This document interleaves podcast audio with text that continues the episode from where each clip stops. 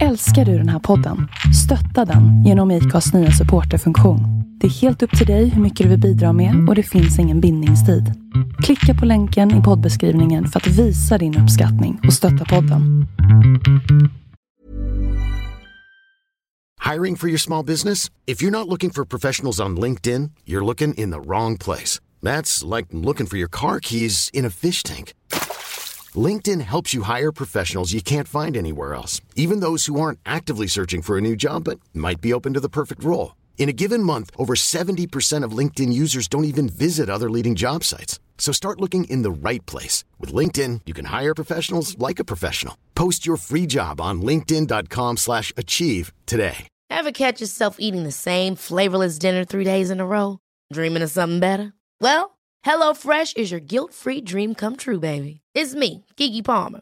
Let's wake up those taste buds with hot, juicy pecan-crusted chicken or garlic butter shrimp scampi. Mm. Hello Fresh. Stop dreaming of all the delicious possibilities and dig in at HelloFresh.com. Let's get this dinner party started.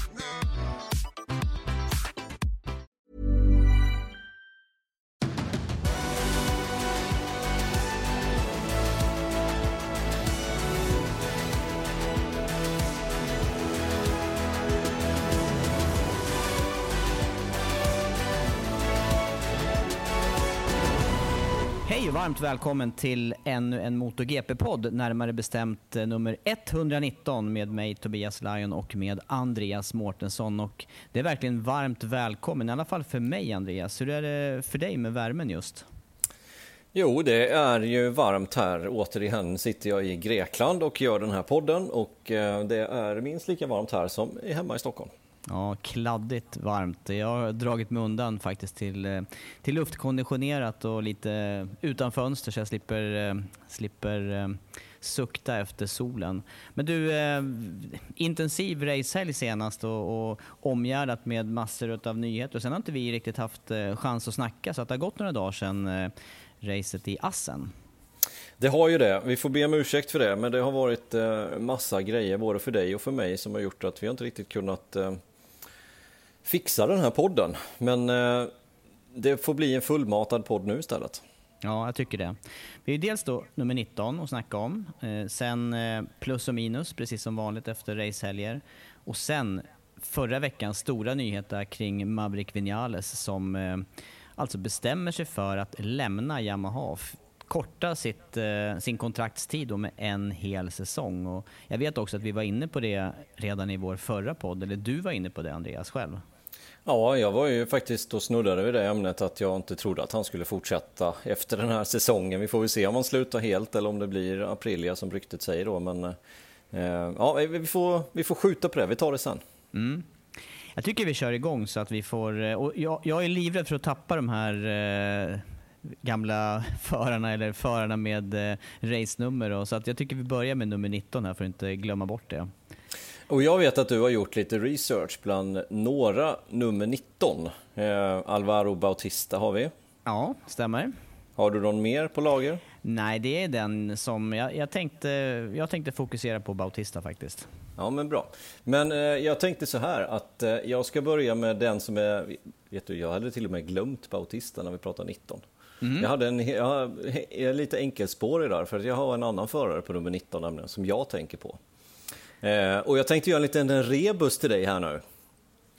Med, det, här, det här låter spännande.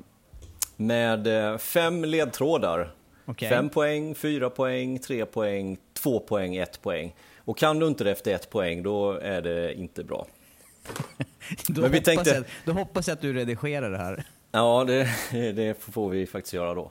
Eh, men jag tänkte ni där hemma där kan ju också eh, tävla lite här då. Får vi se hur många poäng det blir för er där hemma. Men eh, första ledtråden är ju att den här föraren har haft nummer 19 någon gång i sin karriär. Annars hade han inte varit här i det här ämnet överhuvudtaget. Någon gång i sin karriär. Är det ingen mer ledtråd på första här? Yeah, nej, du, men, men den, är, den är ju given den ledtråden i och med att vi pratar om startnummer. Men fem poäng här nu då. Är du med? Jag är med. Och när du kan så säger du inte svaret. Du Nej, räcker okay. upp en hand så jag ser ja. dig. Ja. Ja. Den här föraren är från ett engelskspråkligt land. Han har alltså engelska som modersmål. Eh, ja, och jag får inte om jag chansar här nu på fem Ja, då är poäng, det kört. Då, då är det kört. Ja. Okej. Jaha. Eh, ja, då måste, jag, eh, då måste jag höra fyran också, tror jag. Han är född 1961 och han är född i Louisiana och har tre VM-titlar. Ja, då, är det, då faller det på plats för min del. Då tänker jag räcka upp handen här nu, tydligt, och säga att jag räcker upp handen. Har du ett papper? Du har en whiteboard bakom dig, du som är lärare. Du får skriva där uppe tycker jag, vilket eh, namn, eller om du har en lapp du kan skriva på.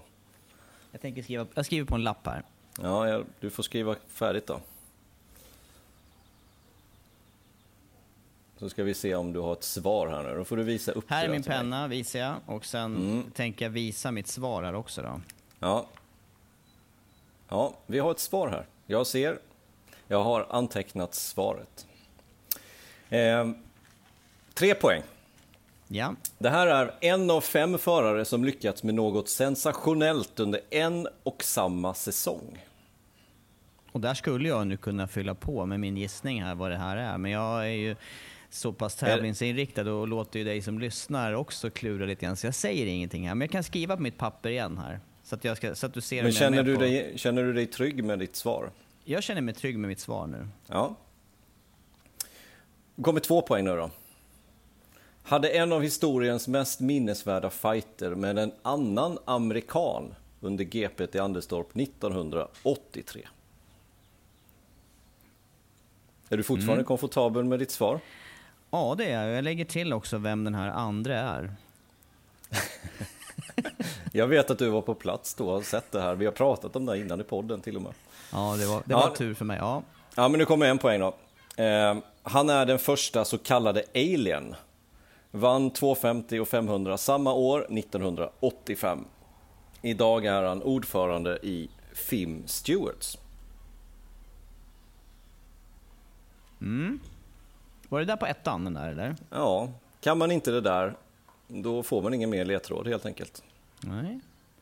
Du var, Och du bra, hade ju- bra ledtråd. Stämde mitt svar nu? Jag, jag Ja. kände att jag blev ju, jag blev ju bekräftad här var, eh, vart efter ledtrådarna kom. Ja, du har ju rätt. Det här är ju, vi pratar ju om Freddie Spencer. Och du hade ju alldeles rätt där på fyra poäng. Det var bra att du visste att han var född i Louisiana.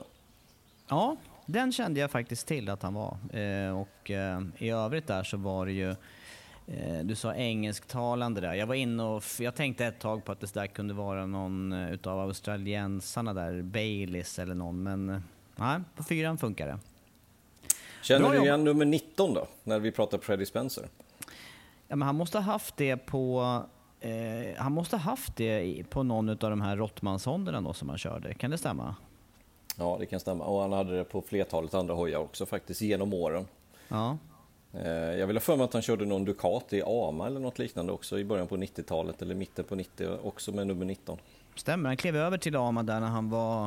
Eh, det, han gjorde nog misslyckad, eh, misslyckade GP-säsonger efter sin VM-titel och sen eh, när han väl klev över till, till AMA så var det just på Ducati, det minns jag också.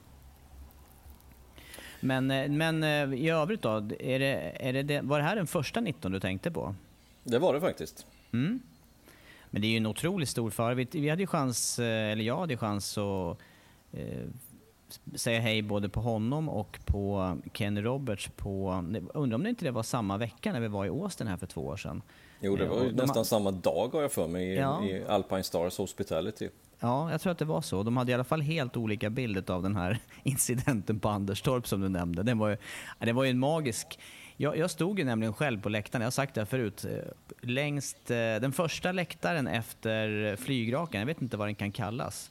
Eh, Den här korta rakan mellan flygrakan och gamla start och mål. Så man såg den här inbromsningsduellen. Jag hade ju noga scoutat läktarplatser. Jag var ju inte mer än, vad sa du att det var för år där? 83, du var ja, jag 13. ju- ja, 13 ja. Så jag hade ju noga scoutat var man skulle stå för att se så mycket som möjligt av banan. Och längst upp på hörnet på den läktaren, då såg man nämligen slutet av flygrakan, hela bromsduellerna, man såg axningen ut på start och mål. Sen såg man ju lite grann eh, utav den här, nu kan ju du kurvorna bättre, det är Hansen-kurvan som är så doserad där. Så att ganska mycket av banan såg man därifrån. Ja, den Hansen ser man nog inte riktigt därifrån, för det är ju vänstern efter Hansen-rakan. Just det, vad hette vänstern innan där, den doserade? Eh, Opel-kurvan hette den Just det, för. Opel-kurvan, det var den. Där såg man i alla fall eh, en bit av förarna innan de la ner. Men i vilket fall, den där bromsduellen, den var ju magisk. Och det här som du nämner också, att, eh, att eh, han vann VM på två, med, med två motorstorlekar, eller två klasser samma år. Det är ju, som du säger, det är ingen som har upprepat det efter i den moderna Nej, nu får man ju inte köra på det här sättet heller, men han är ju den enda som har gjort det i 250 och 500. Det finns ju de som har gjort det i 350 och 500. Eh, men eh, när 250 sen infördes så är det han den enda. Har du testat på det där att dubblera klasser någon racehelg annars? Nej, inte vad jag känner till eller vad jag kommer ihåg. Så har jag inte det. Eh, sidvagn har jag åkt samma helg som jag har kört egen solomaskin. Men det var inte du som kranade, du hängde med på sidan där då? Ja, exakt, exakt. Jag hängde med på sidan. Det var bara att följa med. För jag har ju faktiskt testat det här under endurance-helger, kört eh, endurance-VM och sen körde jag ju en säsong BMW Boxer Cup och det var rätt svår, rätt stor skillnad där med Eh, farter, eh, bedöma vart man bromsar och sådana här saker. Så att jag kan tänka mig att den här, eh, det han gjorde där mellan 250 och 500, det, är ju, det, det måste vara det är både fysiskt krävande men också svårt rent mentalt att ställa om från en klass till en annan med fart och kurvhastighet och sådana här saker. Ja. Ja, och han är faktiskt inte den enda amerikan som har haft nummer 19. Även Ben Spies hade ju det den säsongen när han körde i Superbike. Nu har vi redan pratat om Ben Spies under nummer 11 för att det är mer det, det numret jag associerar han med. Men han körde faktiskt med 19 där under 2009 års säsong. Eh, och sen även John Kosinski har vi fått mejl om från Robban här att eh, han körde också med nummer 19. Just det, stämmer. Ja, det är en hel hög med förare. Undrar vad det här beror på, att de alla, alla har valt 19 där. För det, är ju, det var ju ovanligt många namn, måste jag säga. Ja, faktiskt. Men Spencer där, och i hans nuvarande roll som eh, ordförande i den här, ja, jag vet knappt vad man kallar den egentligen, men FIM Stewards, alltså håller i bestraffningarna, så kan man säga. Domare. Ja. Ehm, han har fått mycket kritik senaste tiden. Ehm, Ja, tycker du att det är berättigat? Och vi har ju snackat en del kring det här med bestraffningar och det som sker på banan. Och ja, ja det, det blir svårare och svårare att hålla... Jag, jag måste nog säga att eh, även om det finns mycket hjälpmedel idag med film eh, och tv och olika sensorer och annat så är det ju samtidigt så att, eh, att det, börjar bli lika många tyckanden som det blir som det blir ren fakta kring de här eh, ja, överträdelserna på banan eller hur man nu ska hantera olika saker och det uppstår nya saker att bestraffa och så vidare. Vad, vad, vad blir... Ja. Eh, alltså min take är på att jag tycker att han gör ett bra jobb och jag tycker att det som försiggår på bland annat sociala medier och Twitter och alla rasar över olika bestraffningar och track limits och allt vad det är för någonting. Det är, det, det är lätt att, eh, att rasa på nätet men jag tycker att, han, jag, jag tycker att det fungerar bra. Jag, jag kan inte ifrågasätta ja, något enskilt beslut möjligtvis man kan ifrågasätta varför, man, varför de har gjort på ett visst sätt. Men annars så tycker jag att det inte är berättigat den kritiken mot honom faktiskt. Så- som, som jag känner Freddie Spencer, jag känner inte han personligen men, men han, jag tycker han ger intrycket av att vara en resonabel person som har huvudet på skaft helt enkelt. Och det, att, och om de dömer en bestraffning för någonting så finns det en anledning till det. Och ehm, då tycker jag man ska köpa det. Men det jag kan tycka borde vara bättre det är just kommunikationen. Varför de tar ett visst beslut. Varför, ehm, om man nu ska kritisera något beslut, att Jake Dixon fick en, en bestraffning efter en krasch. Han körde ihop med eh, Augusto Fernandes tror jag det var på Sachsenring nere i kurva 12 efter vattenfallet. Och, och Dixon fick i det här läget då en, jag tror han fick köra en runda i bestraffningsslingan här nu under Assen-helgen. Och den skulle man kanske vilja haft en förklaring för hur de bedömde den och varför de bedömde den på det sättet. Eh, och, och det gäller kanske samtliga bestraffningar egentligen, att man vill ha en förklaring till hur tänkte ni här och varför väljer ni den här bestraffningen? Eh, och jag tror att skulle man få den så skulle det mesta falla på plats. Mm. Ja, men det som vi också har, det, det jag tror ändå behövs på den positionen som man är, det är ju just en förare, eller en före detta förare och med mycket erfarenhet, vilket han bevisligen har, som kan eh, ja, men som kan se saker som en eh, vanlig motorcyklist kanske inte ser. Och, och som också, det, det är därför också det är svårt tycker jag att ha en, en fast straffskala på varje enskilt moment. Utan jag tycker nog att det är klokt att man eh, i det här fallet bedömer incidenter enskilt och sen utdelar en lämplig bestraffning. Men jag håller med dig där också, en, en motivering hade ju varit på sin plats. Åtminstone kan man ju ha en officiell motivering som, som går ut till de inblandade och möjligtvis till oss i, i media då, så att vi kan förmedla det vidare. Ja, och troligtvis så får ju teamen och förarna andra förklaringar på hur de tänker eh, än vad vi får officiellt sett. För det pappret man får med bestraffningen säger inte speciellt mycket. Utan man skulle vilja ha en lite mer förklaring. Men det här med track limit som, som har fått mycket kritik. Att ja, men han tjänar ingenting att vara ute på det gröna. Det, det köper jag inte överhuvudtaget. Jag tycker bara att det är struntsnack. Eh, man måste i dagens läge ha ett regelverk. Alltså nu pratar vi hundradelar, nu pratar vi inte tiondelar sekunder längre, nu, nu pratar vi tusendelar som skiljer förarna emellan i vissa fall. Då måste man ju ha ett tydligt regelverk som säger vad man får göra och inte göra när vi pratar track limits till exempel. Ja, och den, den, där biten har vi varit inne på många gånger också, just det här... Eh, för, det här i grunden handlar det om att öka säkerheten på banorna. Och både du och jag har ju tävlat under, den, under en tid när, när banorna var betydligt farligare. Många, många ställen var betydligt farligare och hade man, eh, hade man inte bestraffat körning på det gröna så så, började, så använde ju förarna det gröna. Man använder det där det går att åka och när det då var, i mitt fall, grus eller gräs utanför, då var inte det ett alternativ annat än i absoluta undantagsfall och då handlar det om att man missar någonting. Man tjänar ju sällan eller aldrig någonting på att åka ut i gruset eller gräset tidigare. Nej, jag såg faktiskt en video på Twitter här för några veckor sedan som jag retweetade dessutom. Någon förare som, som ledde fältet var ute på på gräset helt enkelt och bakhjulet släppte och han gled ut med och så blev han överkörd dessutom. Han klarade sig, var uppe på benen helt otroligt, han blev rätt överkörd över benen. Men det är ju sådana olyckor som man undviker med att ha det här grönmarkerade utanför banan. Och då, man måste ju ha en gräns där, man ska inte köra där och då måste det bli en bestraffning. Sen spelar det ingen roll om man inte tjänar på det eller inte. Banan måste ha en, ett stopp helt enkelt. Ehm, så att, ja, den kritiken köper jag inte överhuvudtaget. Det, det, man har ändå fem gånger på sig. Banjaya nu till exempel som rök dit på en, på en long lap penalty. Ja, men han, han gjorde det för femte gången var han ute på det gröna. Det måste ju Vissa förare tycker till och med att man borde bli det på andra gången eller till och med kanske tredje då liksom. Och, och ehm, fem gånger tycker jag är fullt tillräckligt många gånger. Och mm. sker det sista varvet så ska man förlora mycket på det. Som Bindi gjorde till exempel. Han tappade ju tre placeringar. Mm. Ja. Och det fick ju en förklaring för att han genade dessutom, han fick en bättre utgång och tog sig förbi och sådär. Så att han skulle droppa en plats men istället så tog han ju två placeringar och det, det är klart att då blir det ju där tre placeringar bak helt enkelt. Ja. Ja, nej men, eh, men just det här med, eh, med, vi ska kanske tillbaka till startnumren också då. Och Spencer där, han gör, vi, vi är eniga om att det arbetet han utför och det man gör i säkerhetskommissionen där är eh, bra.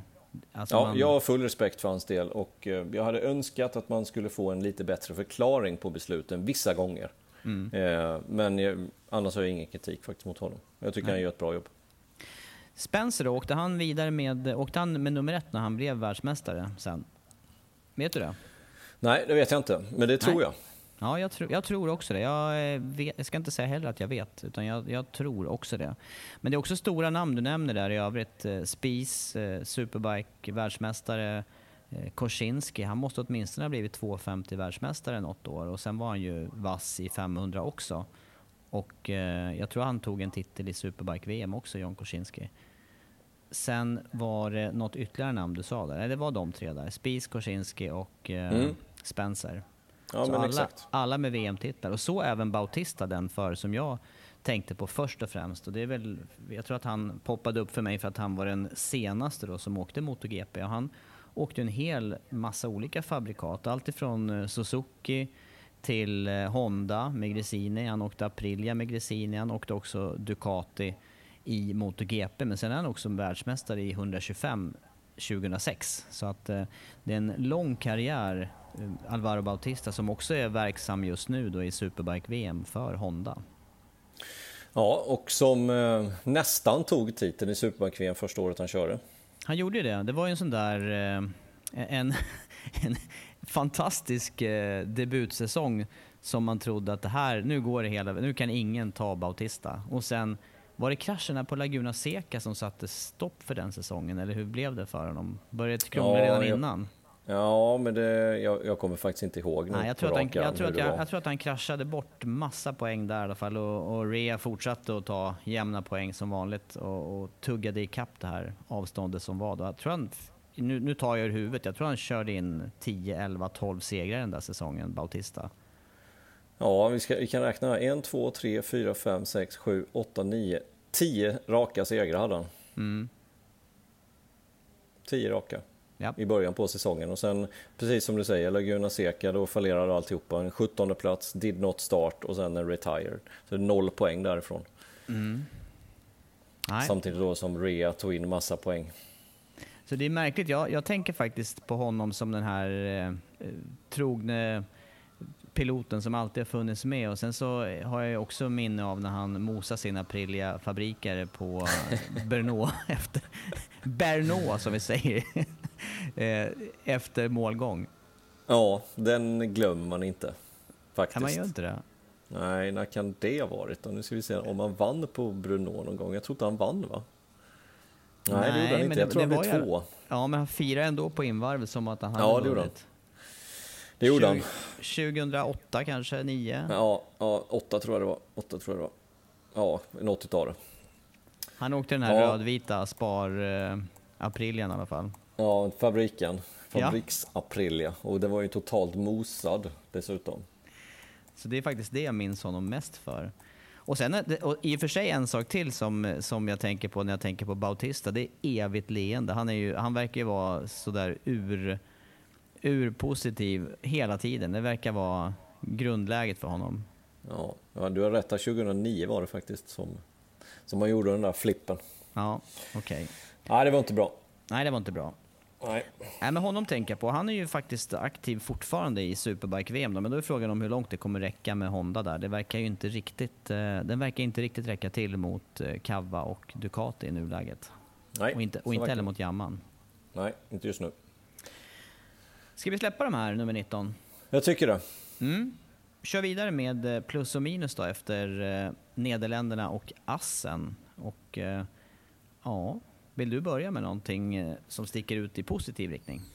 Ja, men positiv måste man ju ändå säga Quartararo. Eh, det är såklart segrare av racet, gjorde ju allting rätt egentligen.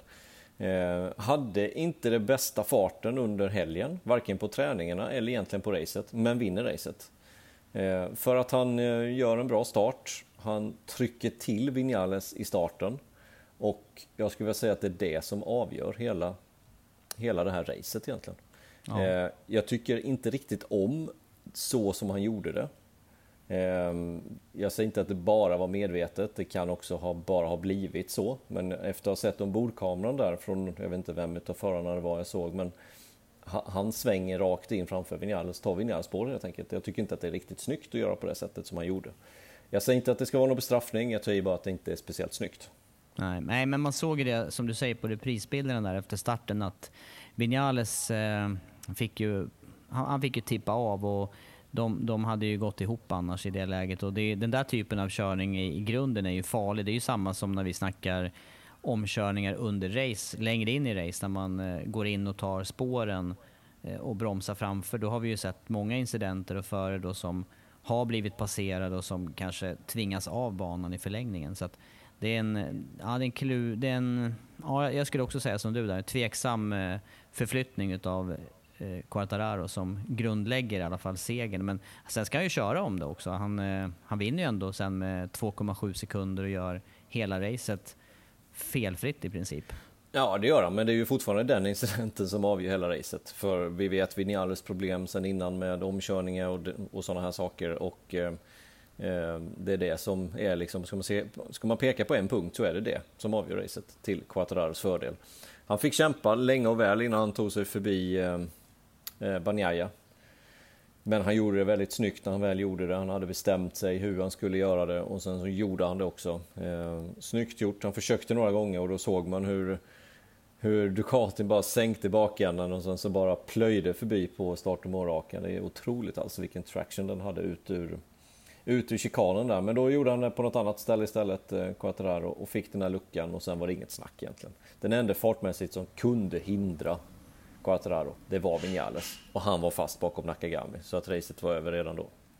Ja, och där ser man ju skillnaden igen mellan Quattararo och Vinales. Och, eh, Vinales är på något vis, han fastnar ju i en evighet bakom Nakagami som gör också att han, eh, han tappar det, den möjlighet som han ändå skulle kunna haft och att köra ikapp Quattararo. Ja, visst. Eh, men man ska komma ihåg där att, att Banjaya är en annan förare än vad Nakagami är. Nakagami var starkare på de ställena där Vinales var stark på. Så det, jag skulle påstå att det är lättare för, för en Yamaha-förare, det spelar ingen roll vem av dem egentligen, Quattararo eller Vinales, att ta sig förbi Banjaya än vad det var att ta sig förbi Nakagami i det här läget. För Nakagami var som sagt snabbare på de ställena där där Yamaha, alltså både Quattararo och Vinales, var starka och kunde göra någonting jämfört med vad Banjaya var. Så jag skulle säga att det är lättare att, att, ta, att ta sig förbi Banjaya än Nakagami i det här läget när de låg 1-3. Ja, ja, det kanske är så. Det, det, där, det tänkte inte jag på just under eh, racet, men, men det jag tänkte på var ju kring, eh, kring starten där ändå. För det som ändå såg, såg ut som att eh, Vinales var den som kom iväg allra bäst direkt. Men sen blir han på något vis uppäten och det man hörde efteråt var ju att det eventuellt var något problem med kopplingen för hans del. Kan det, ja. Är det bekräftat så att man vet att det var något tekniskt med kopplingen? Nej, inte vad jag har hört mer än vad han sa själv där. Han sa att det var någonting med kopplingen och han ville inte lägga någon skuld på, på, på Quattararo i det här eh, att han körde in framför där utan, utan han sa att det var kopplingen och han kom inte iväg ordentligt och eh, ja, det var det helt enkelt. Det för annars, för annars var de ganska jämnbördiga, eller till och med kanske att Vinales var den som var snabbast iväg just från stillastående. Ja, jag tycker det också faktiskt. Men sen, eh, sen kanske det slirar till lite grann samtidigt som då eh, Quattararo väljer att gå vänster eh, och, och ta Vinales spår helt enkelt som gör att Vinales får trippa lite och då är han femma medan Quattararo är tvåa och sen är racet över. Mm. Ja, Men eh, plus till Quattararo. Ja, absolut. Någon minuspost då som dyker upp i skallen? Har du tänkt så? Nej. Du får köra minus, får jag tänka lite. Ja. Jag vet inte heller här, men, men någonting som, som slår mig nu i alla fall efter de senaste racehelgerna, det är ju eh, Rossis oförmåga att eh, få till resultat och eh, på något vis Eh, så, så hamnar han på minussidan här för min del. Eh, nu kraschar han ju dessutom och eh, ja, det har varit krascher, det har varit utanför poängplats, svårt att kvala och det här är ändå nu en serie banor som han kört som ja, ska passa honom. Om det sen är att han kör långsammare eller att övriga har förbättrat sig. Det går fortare, det är jämnare. Vi vet ju vad små marginaler är men eh, det börjar, det börjar kännas som att det kommer närmare och närmare ett avslut av karriären för hans del. Mm. Ja, jag håller med. Det är den känslan som man går in i sommarpollet med i alla fall. Att, att det här blir nog sista säsongen eh, för oss del och det känns som att eh, vi bara väntar på det beslutet egentligen. Den pressreleasen där han säger att, att det blir sista säsongen. Jag håller med där. Det, det borde vara banan som passar honom. Uh, nu blev Yamaha etta och tvåa det här racet. Morbidelli var inte ens med och Rossi har inte han hade inte farten helt enkelt. Alltså han åker inte långsamt på något sätt, men det är så pass oerhört jämnt så är man en sekund bakom, då är man inte med. Nej, Nej då, han, han hamnar på minus den här helgen. Och, och den här helgen också avslutar med krasch. Så att, eh, det är bara att eh, glädjas åt att det inte verkar ha blivit någon skada, för det går ju ganska fort på assen oavsett var man kraschar också. Så att dramatiskt är det ändå. Visst gick han av där i kurva 7? Sju tror jag, ja, i vänstern där. Ja. Där mm. Lorenzo bröt ryggen eller nacken eller vad det var för någonting för Ja, just det. Nej, mm. så Rossi på minussidan. Sen tänker jag på plussidan ytterligare en förare och det är eh, Mark Marquez igen. Framförallt ja, jag kan fram, hålla med. Framförallt för sin uppkörning där. Han hade ju eh, totalt misslyckat kval och sen så i racet eh, hitta den här eh, motivationen och attacken i inledningen framförallt som gör att han slutar sjua till slut. Han gör ju fantastisk eh, inledning på loppet.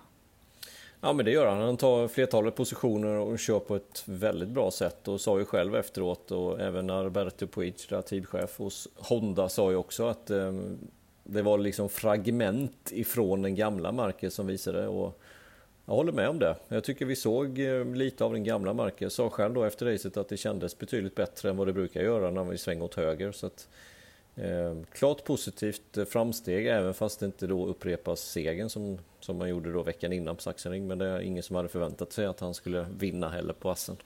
Nej, men han är, han är 10 sekunder efter Quartararo i mål och eh, med 20 startposition så är det, jag tycker det är vasst, vass kört, vasst race.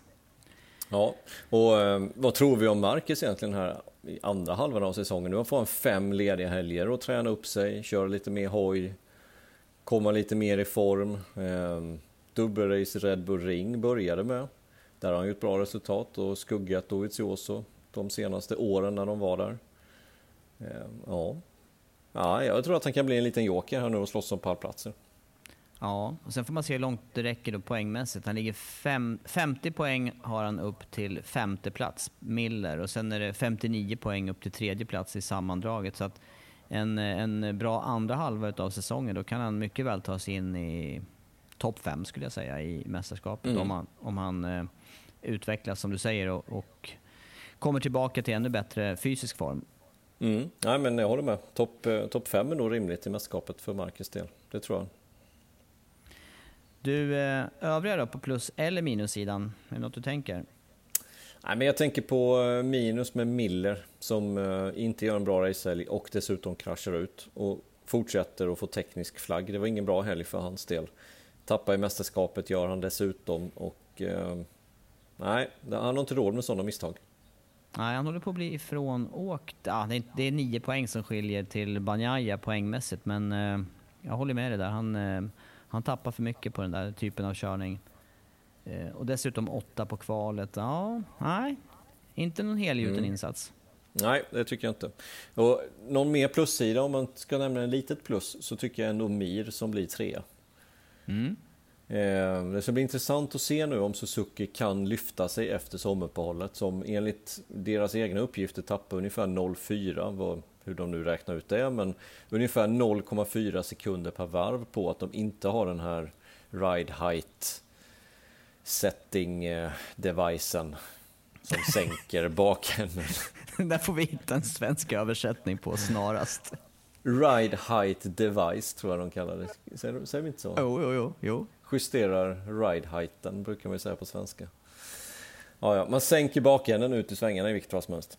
Just det, och det var ju tydligt i alla fall kring, och det var ju även jämfört Yamaha Ducati där som du var inne på med eh, Quartararo och Bagnaia. Det, det, var ju milsvid skillnad ut ur kurva 18 och vidare efter start och målrakan framför allt. Ja, ja, ja, men det var det. Så det ska bli intressant tycker jag att se Suzuki när vi kommer tillbaka. Om de verkligen kan, om de har hittat någonting, om de har den här devicen till att börja med och sen om de kan hitta lite mer fart. Eh, Red Bull Ring senast, Mir, ska vi komma ihåg, ledde. Nu var det andra racet som han ledde var det va? Vill jag för mig. Ja, ja det var det. Eh, när det blev rödflagg i med Vinales som satte sin cykel rakt i räcket där efter bromshaveriet. Och eh, då ledde han racet med flera sekunder. Eh, sen hade han problem efter det på grund av att han inte hade nya däck kvar. Och blev fyra till slut, Oliveira vann racet. Så det, det känns ändå som en bana som det borde inte passa Suzuki, men förra året visade på annat. Ja, och han fortsätter ju att göra, han gör ju jämna och bra resultat Mir. Han är den förare av Suzuki, hos Suzuki som är jämn poängmässigt ändå. Sen skulle jag ju tro att det kommer behövas några toppresultat, men du var ju också inne på det här med eh, att Suzuki redan tidigt, eh, eller innan säsongen, sa att de kommer ha en tuff första halva med tanke på vilka däck som var allokerade till respektive racehelg. Ja, och då får vi se om det stämmer också då, att de har bättre, bättre allokering på däcken här nu resterande delen av eh, säsongen. Mm. Ja, vi skulle kunna studsa ur på Maverick Vinales, men det finns ju mycket att prata om honom på nyhetsfronten, så han kanske får, han kanske får platsa ja. in på den sidan. Ska vi ta tag i, i den här härvan? Millions of people have lost weight with personalized plans from Noom. Like Evan, who can't stand salads and still lost 50 pounds. Salads, generally, for most people, are the easy button, right? For me, that wasn't an option. I never really was a salad guy. That's just not who I am. But Noom worked for me. Get your personalized plan today at Noom.com. Real Noom user compensated to provide their story. In four weeks, the typical Noom user can expect to lose one to two pounds per week. Individual results may vary. Hiring for your small business? If you're not looking for professionals on LinkedIn, you're looking in the wrong place. That's like looking for your car keys in a fish tank. LinkedIn helps you hire professionals you can't find anywhere else, even those who aren't actively searching for a new job but might be open to the perfect role. In a given month, over 70% of LinkedIn users don't even visit other leading job sites. So start looking in the right place. With LinkedIn, you can hire professionals like a professional. Post your free job on linkedin.com slash achieve today. Hey there, it's Michelle Norris. I'm host of a podcast called Your Mama's Kitchen. When I travel, I'm usually looking for a way to find a taste of home when I'm not at home. And one of the things I love to do when I am at home is entertain. And Airbnb allows me to do that. When I was in California recently, I rented a house that had a great kitchen. And when we were sitting around the table, we're all thinking, we're in someone else's house. Someone could be in all of our homes as well. If you have a home, but you're not always at home, you have an Airbnb. Your home might be worth more than you think. Find out how much at airbnb.com/slash host. Då. Jag tycker Ja, det. vi, har, vi har dragit på den en halvtimme nu i den här podden, men det kanske är dags. Nu är det dags. Det är en riktig cliffhanger den här gången. Nej men Maverick Vinales, för mig, eh, även om du var inne på ämnet och, och vidrörde det, så, så kommer det ändå som ett bombnedslag att, eh, att avsluta ett tvåårskontrakt ett år i förtid och, och att också tillkännage det under en racehelg där han toppar varenda träning och eh, är extremt snabb med Yamaha just. Ja, det är precis vad han är. Eh, lyckas inte i racet, det nämnde vi när vi pratade om Quattararo bland annat. Men han blir trots allt tvåa, tar in på tid, i, tar in tid på Quattararo i slutet på racet, ger allt han har. Det räcker inte för luckan är för stor. Dagen efter så tillkännager de att de har då eh, ja, tillsammans kommit överens om att bryta kontraktet helt enkelt. Eh, ingenting nytt är 100% klart för Vinales utan det enda som är klart är att han bryter sitt kontrakt efter den här säsongen och hoppar över alltså 2022 med Yamaha. Och varför gör han det här? Just överhuvudtaget kan man ju fråga sig och varför gör han det just i det här läget av säsongen och vad, vad händer? Är det, det, här, det här är ju, jag ska inte säga att det är ett totalt frågetecken men det är, en, det är en ganska stor, eh, ett ganska stort steg att ta.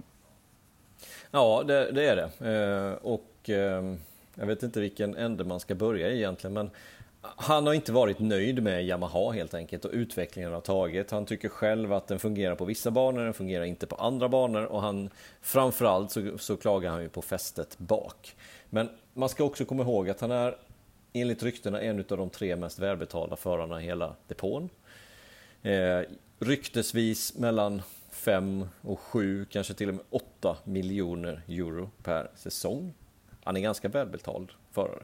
Ja. Får man nog säga. Eh, han väljer alltså att avstå den lönen för att köra den, den bästa hojen på griden egentligen. Ja, eftersom att, eftersom att Quattararo leder mästerskapet så det kan inte enbart ligga på föraren, även om vi vet att föraren är en stor del av ekipaget så är det ju ändå en cykel som bevisligen vinner race och det var ju även så förra året. Och den leder teammästerskapet, leder de tillsammans. De leder märkesmästerskapet. Han har vunnit race med den här cykeln den här säsongen.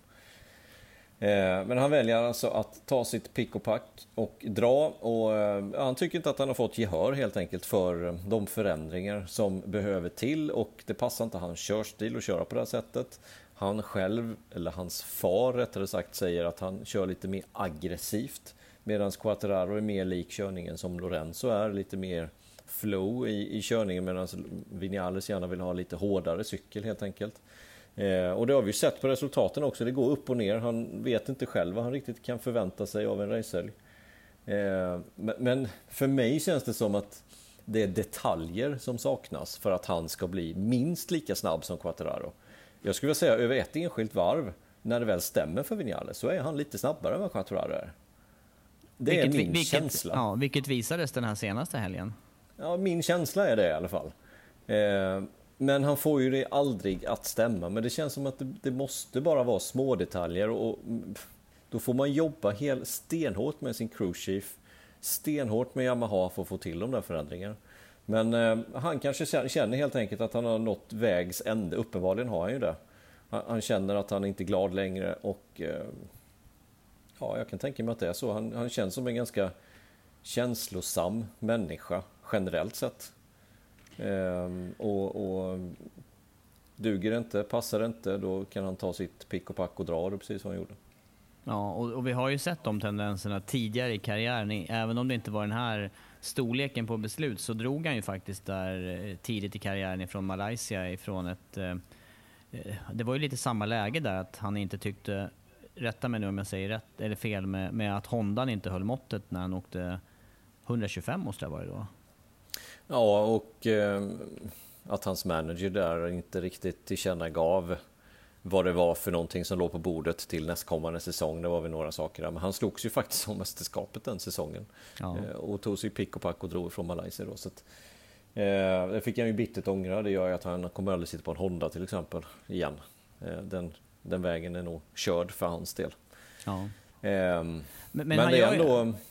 Ja, han, jag skulle säga att han gör ju det här nu också. Du, du var inne på det, när man, att man borde leta de här sista pusselbitarna. Och om det nu är Yamaha som har tagit eh, steget att byta ut eh, Vinales crew chief. Vi såg ju det här skiftet under säsong i år till Silvano Galbosera. Då har han ju inte heller gett det fullt ut en chans, tycker jag, efter tre racehelger eller vad det blev, fyra. Nej, Nej, det har han inte. Och, och, återigen, vi pratade om det förra veckan. Jag tror hans största misstag i karriären nästan är att han, eh, han kickade Ramon Forcada. Jag tror att det, det, var inte bra för hans karriär eh, att ta in en kompis istället som crew chief. Eh, det kan mycket väl vara en av pusselbitarna som gör att det inte har gått bättre än vad det har. Faktiskt. Men nu är det som det är. Han har inte gett chansen här. Han väljer att avstå sin lön Eh, det kanske inte är mycket pengar för honom, 80 miljoner kronor eller 70 eller 60 eller vad du nu pratar om. Men det måste ju ändå vara en hyfsad sudd kan man ju tycka. Eh, men han känner att han har bättre chans någon annanstans, uppenbarligen. Nu får vi se om det stämmer då, ryktet med Aprilia. Jag har inte sett någon pressrelease på det än. Eh, men det sägs att det är klart. Men som sagt, ingenting är klart förrän vi har sett pressreleasen. Men om det, om det stämmer att han ska kliva över och köra Aprilia, då är det ändå ett, eh, ett stort hopp i sidled och sannolikt eh, bakåt också prestandamässigt. Oavsett vad vi har sett från Aleix Espargar under året så är ju inte Aprilia en vinnarcykel än så länge och framförallt inte, ja, den är inte ens en, en cykel för pallen i nuläget. Nej, har, har den någon ens topp 5-placering? Jag tror inte det under MotoGP-eran. Utan det är topp 6 som är bästa resultatet. Yamaha har hur många titlar? Sex, sju eller något sånt? Liknande? Ja, jag, jag har inte på rak arm, men det, det stämmer säkert. Något sånt där? Ja. Eh, om vi räknar lite snabbt då. MotoGP-eran 4, 5, 8, 9, 10, 12, 15. Ja. Sju då. Ja, nej det, det, det är verkligen ett hopp åt sidan och bakåt till ett mer oprövat kort. Sen vet inte jag om, om eh, han med det tänker, alltså att Vinales med det tänker att han ska kunna ha större roll i utvecklingen utav cykeln. Men han ska åka med eh, Aleix Espargaro i så fall. Eh, för ja, Espar Espargaro lär ju köra vidare. Det lär han göra och, och eh, jag tror att Espargaro har lite med detta att göra på något sätt. I och med att Vinales och, och Espargaro är bra vänner. Eh, de bor på ungefär samma ställe, de flyger till och från tillsammans oftast. Ehm, och ehm, de var teamkompisar 2016 och det var väl enda säsongen egentligen som Malaysia Sparger har fått stryk av en teamkompis. Så var det väl just när Vinales slog honom i Suzuki. Så det blir ju intressant att, se de två, om det nu skulle bli så i april, så blir det intressant att se de två i samma team igen då, där jag känner fortfarande att, att eh, Vinales borde vara den som är mer kapabel till segrar än vad Alicia Spargaro är.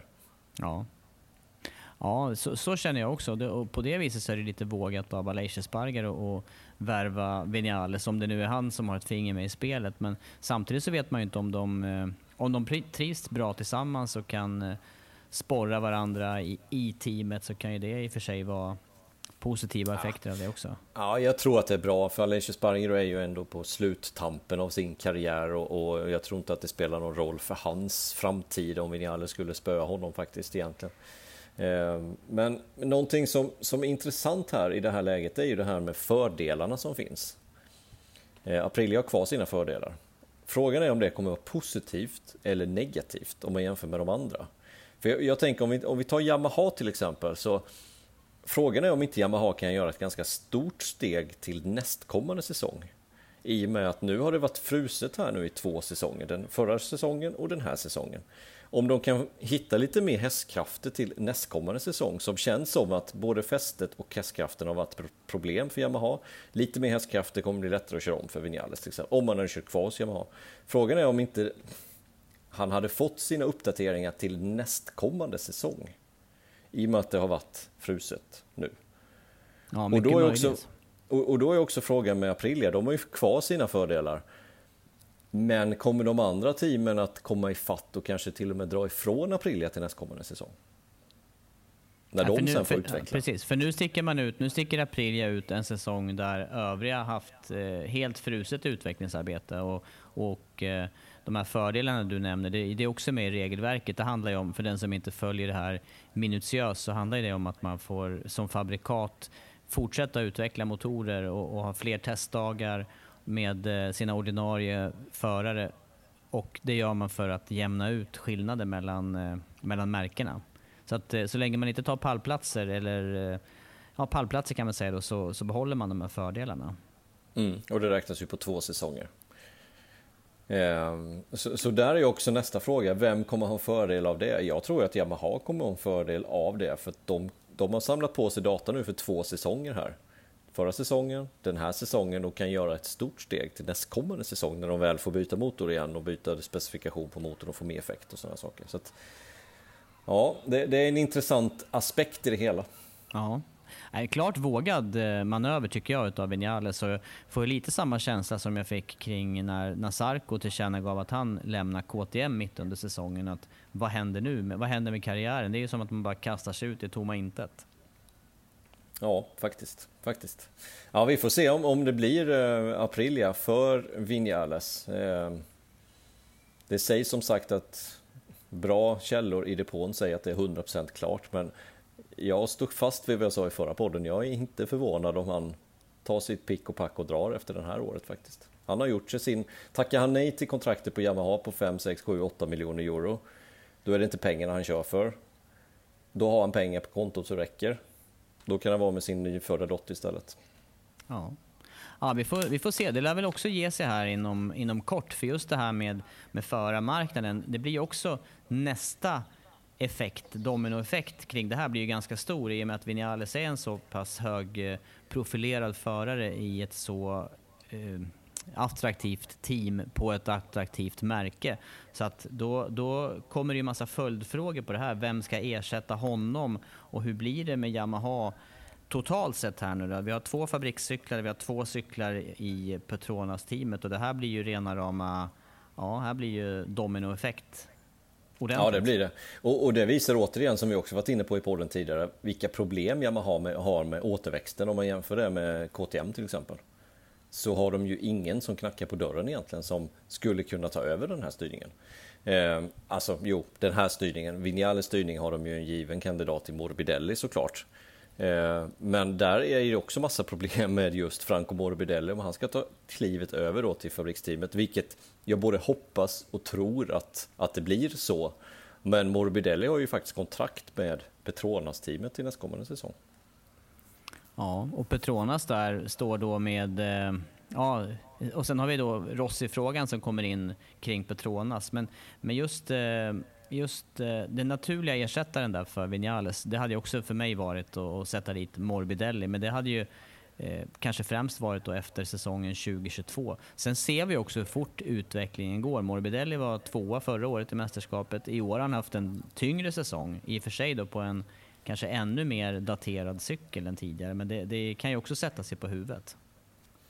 Ja, det, det, kan det, men jag tror att vi får förklara hans kräftgång med cykeln helt enkelt. Den, den räcker inte till när det är så här pass jämnt som det är och vi ser vilka steg som, som fabrikscykeln har gjort, framförallt på chassit till den här säsongen. Så att, eh, jag, jag, tycker att det, är, det borde vara givet och sätter de inte in Morbidelli nu i fabriksteamet, då tror jag Morbidelli ser sig om från någonting annat faktiskt, för att då, då kommer han känna sig extremt sviken.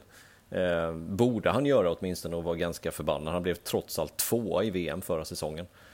Eh, och, och, då inte ens få det i det här läget. Det tror jag inte är bra. Men, men det sätter ju... Vi hörde ju till exempel att de, de har de har kontaktat Oliveira, undrat var Oliveira står i kontraktsförhandlingarna. Oliveira gick själv ut och sa att Yamaha har hört av sig och sa att det inte är aktuellt. Han kommer ju köra vidare hos KTM. Han har kontrakt för nästkommande säsong. Sen, ja, det känns som att han förlänger ytterligare med KTM. Ja, och sen är det ju även andra förare längre ner i, i eh, klasserna. Och det är ju, eh, som vi har varit inne på här, det är ju framförallt eh, KTM som har återväxten i och med att man har yngre förare från Red Bull Rookies Cup. Och sen så har man team då med Akiayo i Moto 3 och i Moto 2 och de har ju två kanonförare både i Moto 3 med med eh, Pedro Acosta och med eh, Fernandes, Raúl Fernandes i Moto 2. Ja, de har ju det. Eh, de har ju en helt annan återväxt just nu än vad Petronas-teamet har. För Petronas-teamet får ändå ses som, som IO-teamet i Moto 2 och Moto 3, alltså återväxten till Yamahas satellitteam. och, och, där har ju inte Dixon och Vierge rosat marknaden. och inte heller McPhee och Binder. vissa gånger, men inte på samma sätt som i KTM. Så, så, frågan är om vi nu antar att Morbidelli då går till fabriksteamet, då är ju frågan vilka förare kör i Petronas? Eh, och, och, där finns ju rätt många namn att välja på, men de sitter i en svår sits alltså. Riktigt svår sits. När man, när man staplar upp de här namnen så är det, är det inte lätt att hitta vilka de ska, ska ersätta med. Nej. Vi har ju hört, vi har hört med Raúl Fernandez, precis som du nämner, och enligt rykten så så kostar det 500 000 euro att köpa loss honom från sitt kontrakt eh, hos KTM. Eh, vilket borde vara peanuts nu när Vinales lämnar rätt mycket lön efter sig. Så det borde finnas manöverutrymme att köpa loss Raúl Fernandez från sitt KTM-kontrakt. Morbidelli lär inte få lika hög lön som, som Vinales hade ändå, så det lär pengar, bli, bli pengar över. Men, men sen undrar jag, om nu fabriksteamet då Yamaha tar Morbidelli, hur, hur poppis blir det hos Petronas? För det är ändå Petronas förare. Jag kan inte tänka mig att, att de inte tillåter och släpper Morbidelli. Det kan jag inte tänka mig faktiskt. Om de får en officiell förfrågan från Yamaha så tror jag, tror jag att de släpper Morbidelli. Det tror jag. Eh, men det känns som att Yamaha, de, de tar allting som Petronas gör just för tillfället. Ja, nej det är svårt. Jag håller med dig där. Och jag, hade, jag hade ju precis som... Eh, eh om, man, om man tänker... Eh, det naturliga hade ju varit att fylla på underifrån då, men jag tycker som du att eh, förarna där i Motor 2 och Motor 3 hos Petronas inte riktigt har hållit måtten och åtminstone inte lyckats i den omfattning som, som jag hade förväntat mig inför året. Så att eh, de, de står i lite problem och då får man ju börja värva från annat håll. Och det måste ju också vara svåra beslut att ta för till exempel Rolf Fernandes där som jag också vet har hans manager, det är ju Kinnegadner, om det är sonen Kinnegadner där till, alltså Heinz Kinnegadners son. Och de är ju, de är ju tungt involverade både med, med Red Bull och med KTM. Så det gör ju också att det blir svårt ur managing-sidan där och rekommendera Raul Fernandez att ta något kliv över till Yamaha plötsligt. Och... Ja, exakt. Och, och, det, blir, det blir jättesvårt blir det. Eh, även fast nu, som sagt, Yamaha har ju tagit det mesta som Petronas har lyckats att göra till någonting bra. Ehm, först var det Först var det ju, det kändes som, när vi hade med Johan här i podden, att det var lite på nåder att ens Petronas fick köra Yamaha. Det var liksom utredningar på, personliga utredningar nästan, vilket är fullt normalt, men det var ju i stort sett de utredningarna för att eh, teamet skulle få vara tillåtna att och köpa det här materialet eller lisa det här materialet för Yamaha. Men nu är de där de är. De hittar en förare som Quattararo, lyfter honom till toppen. Fabriksteamet tar över honom och hans lön. Och nu är han mästerskapsledande. Dessutom så tar Quattararo med sig Gubbelini som är hans crewchief plus två mekaniker. Det var inte Johan nöjd med när vi pratade med honom senast. Var inte nöjd med att, att teammedlemmar försvann ifrån hans team då, Petronas, till fabriksteamet. Eh, och sen dessutom så får de Rossi på halsen som de egentligen inte vill ha. De vill vara ett juniorteam och lyfta förare uppåt, inte ta hand om förare från fabriksteamet för att de är tvungna att ge en fabrikare till Rossi. Det tror jag inte heller var speciellt poppis, även fast de har gjort det bästa av situationen. Eh, men nu står de där med Rossi då som vi inte riktigt vet ens om han ska sluta eller inte. Vilket gör att redan där ligger de på efterkälken när det gäller rekrytering av den platsen, om Rossi slutar. Eh, det tror jag inte heller är så positivt. Och skulle då Yamaha även ta över Morbidellis kontrakt, då, då känns det som att Yamaha är lite i tacksamhetsskuld här till Petronas. Och, och det får mig att tro att, de, att Yamaha, dels för sig själva men även för Petronas del, kommer köpa loss Fernandes kontrakt. För att för han är ju bevisligen eh, för mig så känns ju han eh, minst lika vass och kanske än mer lovande då än Remy Gardner som ändå haft ett antal säsonger i Moto 2 innan han nu blomstrar i år. Men, men det Raúl Fernandez gör i år i Moto 2 det är ju enastående med både massa pole positions och med eh, framförallt senaste racet här när han körde upp sig från nionde till, till seger. Ja, att, eh, ja det, det, det, låter ju rimligt när du resonerar på det där viset Andreas. Och, och jag tror också att det som hindrar för Raúl Fernandez att ta klivet över till Yamaha, det är precis det du säger, att han är personligt involverad i KTM-familjen och Red Bull. Det skulle kunna vara det som förhindrar det steget, men jag tror Yamaha gör vad de kan nu i det här läget, att locka över Raúl Fernandez. Och, och då skulle jag i så fall sätta honom på, på en, alltså fabriksmaterial, det som Rossi sitter på idag, Raúl Fernandez.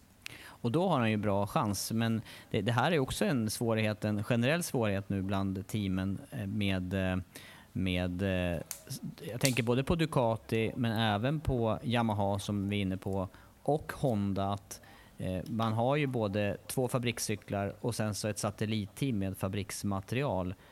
Så att det är de, de här små skillnaderna som vi är ute efter, de kanske man bara hittar i fabriksteamen. Och just Raúl Fernandez är ju en förare som eh, mycket väl skulle kunna bli, han skulle kunna bli världsmästare i Moto 2 i år.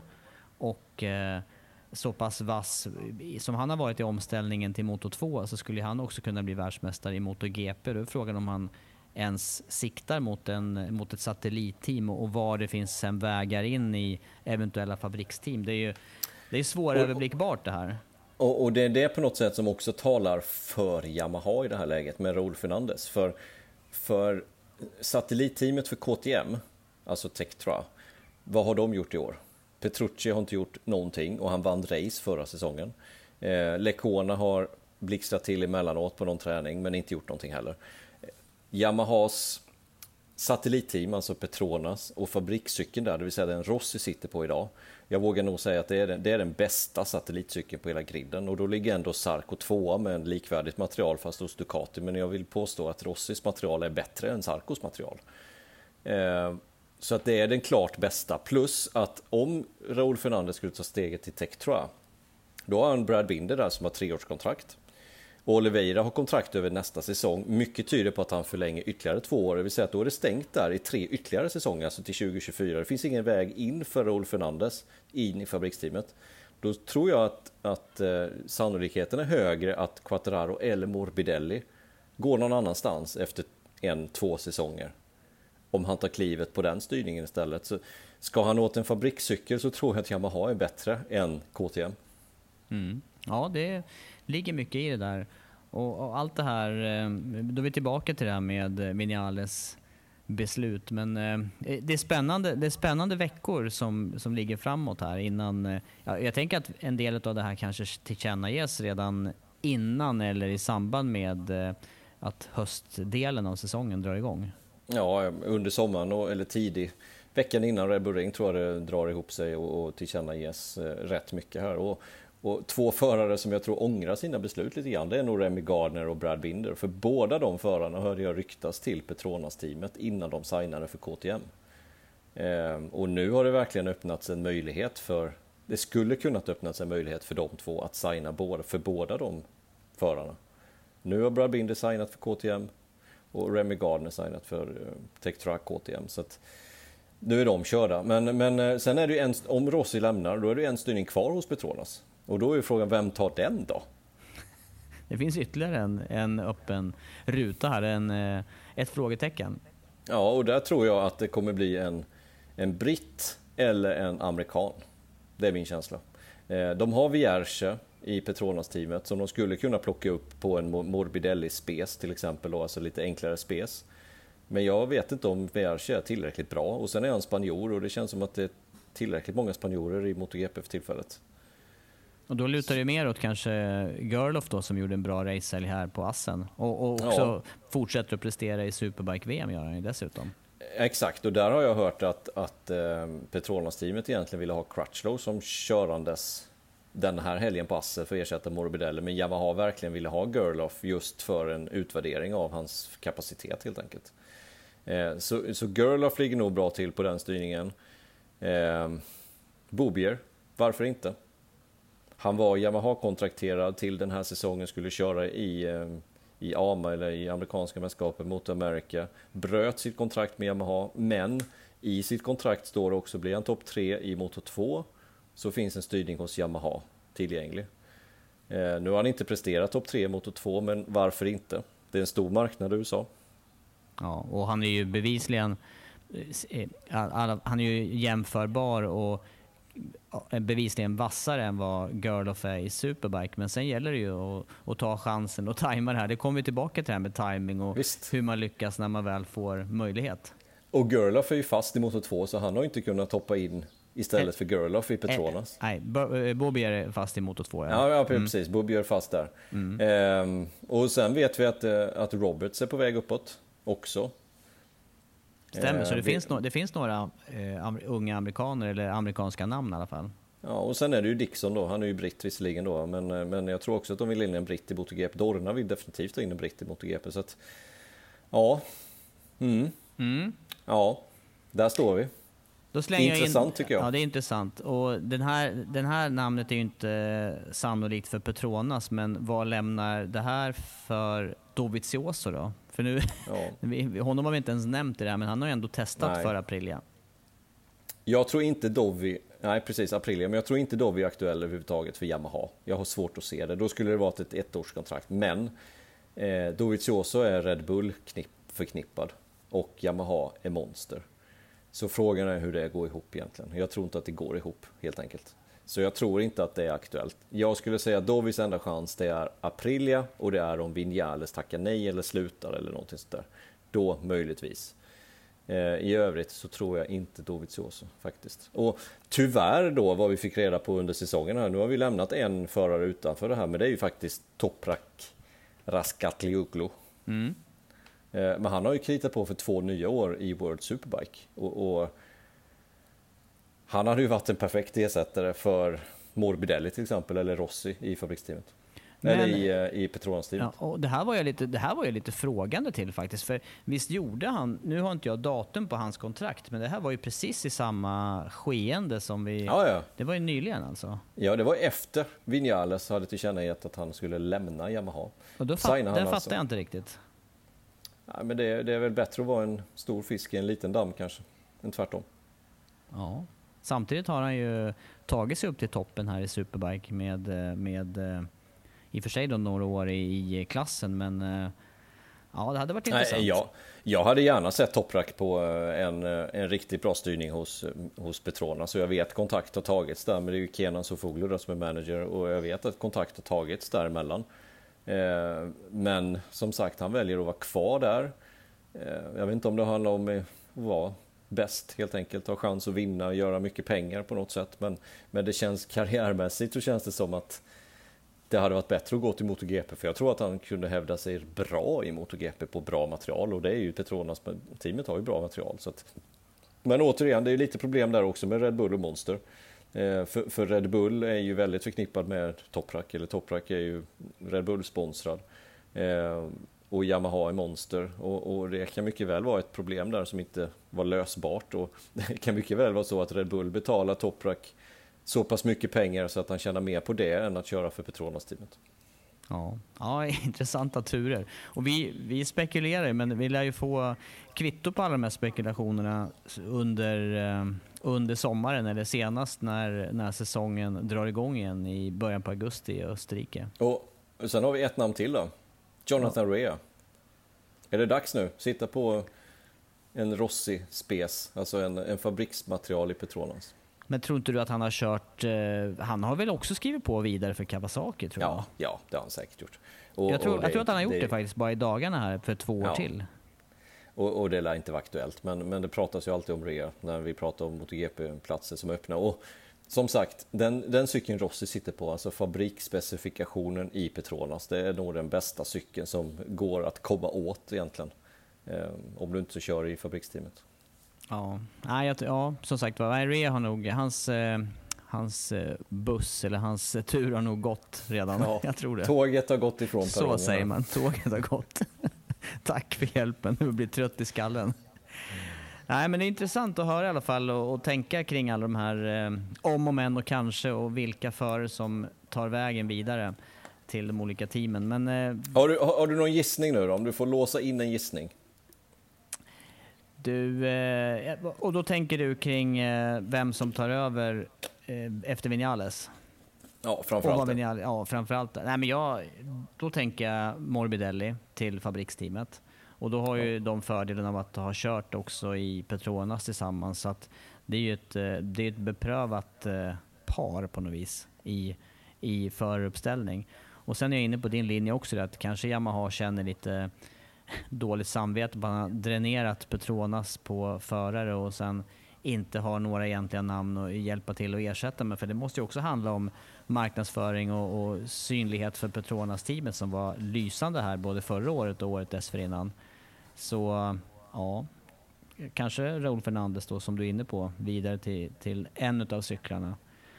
Eh, och Vinales Ja, det är ju som eh, det är, det är den här klassiska 50-50. Det kan bli, det kan bli flipp eller flopp. Eh, och ja. jag tror att om han kör vidare, då är det ju... Eh, eller tror, ska han köra vidare, då måste han ju ta en Aprilia-styrning någon annanstans. Inte att han ska ta vägen. Nej. Och det är ju en chansning utav Guds nåde, höll jag på att säga, med tanke på det vi har sett hittills från Aprilia. Ja, ja nej, det sammanfattar läget bra. Faktiskt. Ja, vad bra. Tycker jag. Sen är det andra styrningen där, om Rossi nu lägger av. Det, det, kan också öppna sig för att Rossi kan fortsätta en säsong till. Faktiskt. För visst, han säger själv att beslutet är hans eget, men är Morbidelli kvar i Petronas, då hade nog gärna Petronas haft en annan förare jämte Morbidelli istället för Rossi. Men nu när läget är som det är, så kan det mycket väl vara en bidragande orsak till att Rossi kanske stannar en säsong till. Ja. Eller? Ja, absolut. Och det, om inte annat så affischnamn och synlighet, det... För du, du hör ju vilka namn som finns att tillgå, det är inte jättemånga. Nej. Så att, eh, ja. Det lär visa sig. Det lär visa sig. Du, eh, jag tycker att vi, eh, att vi avrundar med det här och eh, det lämnar ju en del att tänka på. Vi, det som återstår för oss att göra sen här under sommarveckorna eller uppehållet, det är ju en halvtidssummering och, och så småningom också en blick framåt mot igångsättningen utav höstdelen på säsongen där med dubbelrace i Österrike och Red Bull Ring där vi för övrigt också kommer att vara på plats. Mm. Kul ju! Vi har inte det varit på plats nu på ett bra tag. Nej, det blir spännande. Så där kan ju också vara läge för den eh, som lyssnar att eh, komma med idéer kring frågor eller saker att ta reda på som är svårare att göra, eller som är lättare att göra ska jag säga, på plats. Ja. Ja, tack till alla som stöttar denna podden. Och alla frågor nu. Nu har det inte blivit, nu är det måndag idag när vi spelar in det här och eh, det skulle varit förra måndagen den här podden men som sagt det har inte varit möjligt. Vi har fått lite frågor varför det inte har blivit någon podd jag har försökt svara så ärligt jag kan på det. Att vi har helt enkelt inte fått till det. Det har inte funnits tid. och möjlighet. Och internetuppkoppling har också varit ett problem faktiskt. Så att, eh, då är det svårt. Eller? Ja, det borde jag. Ja, jag är helt på din linje. Vi har inte varit varken nära varandra eller, eller i så bebyggda platser. Så att, nej, det, det, passar bra. det passar bra som förklaring den här gången. Ja, men tack till alla som frågar varför inte podden kommer. Nu kommer podden. Tack till alla som stöttar podden. Ni får gärna stötta vidare. Jätteuppskattat, det gör att vi kan hålla igång. Det är ett långt sommaruppehåll nu, men vi ska försöka hålla igång poddandet så gott det går. Jag är på lite mer fast mark nu framöver, så vi borde kunna få till lite fler poddar. Eh, som du säger, det finns mycket att prata om även nästa vecka. Ja, det finns det. Så håll utkik efter eh, fortsatta avsnitt så eh, hörs vi vidare den här eh, för närvarande heta sommaren.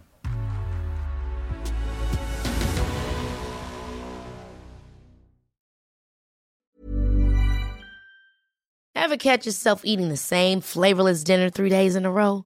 Dreaming of something better? Well, hello fresh is your guilt free dream come true baby. It's me, Gigi Palmer. Let's wake up those taste buds with hot, juicy pecan crusted chicken or garlic butter shrimp scampi. Mm. Hello Fresh. Stop dreaming of all the delicious possibilities and dig in at HelloFresh.com. Let's get this dinner party started.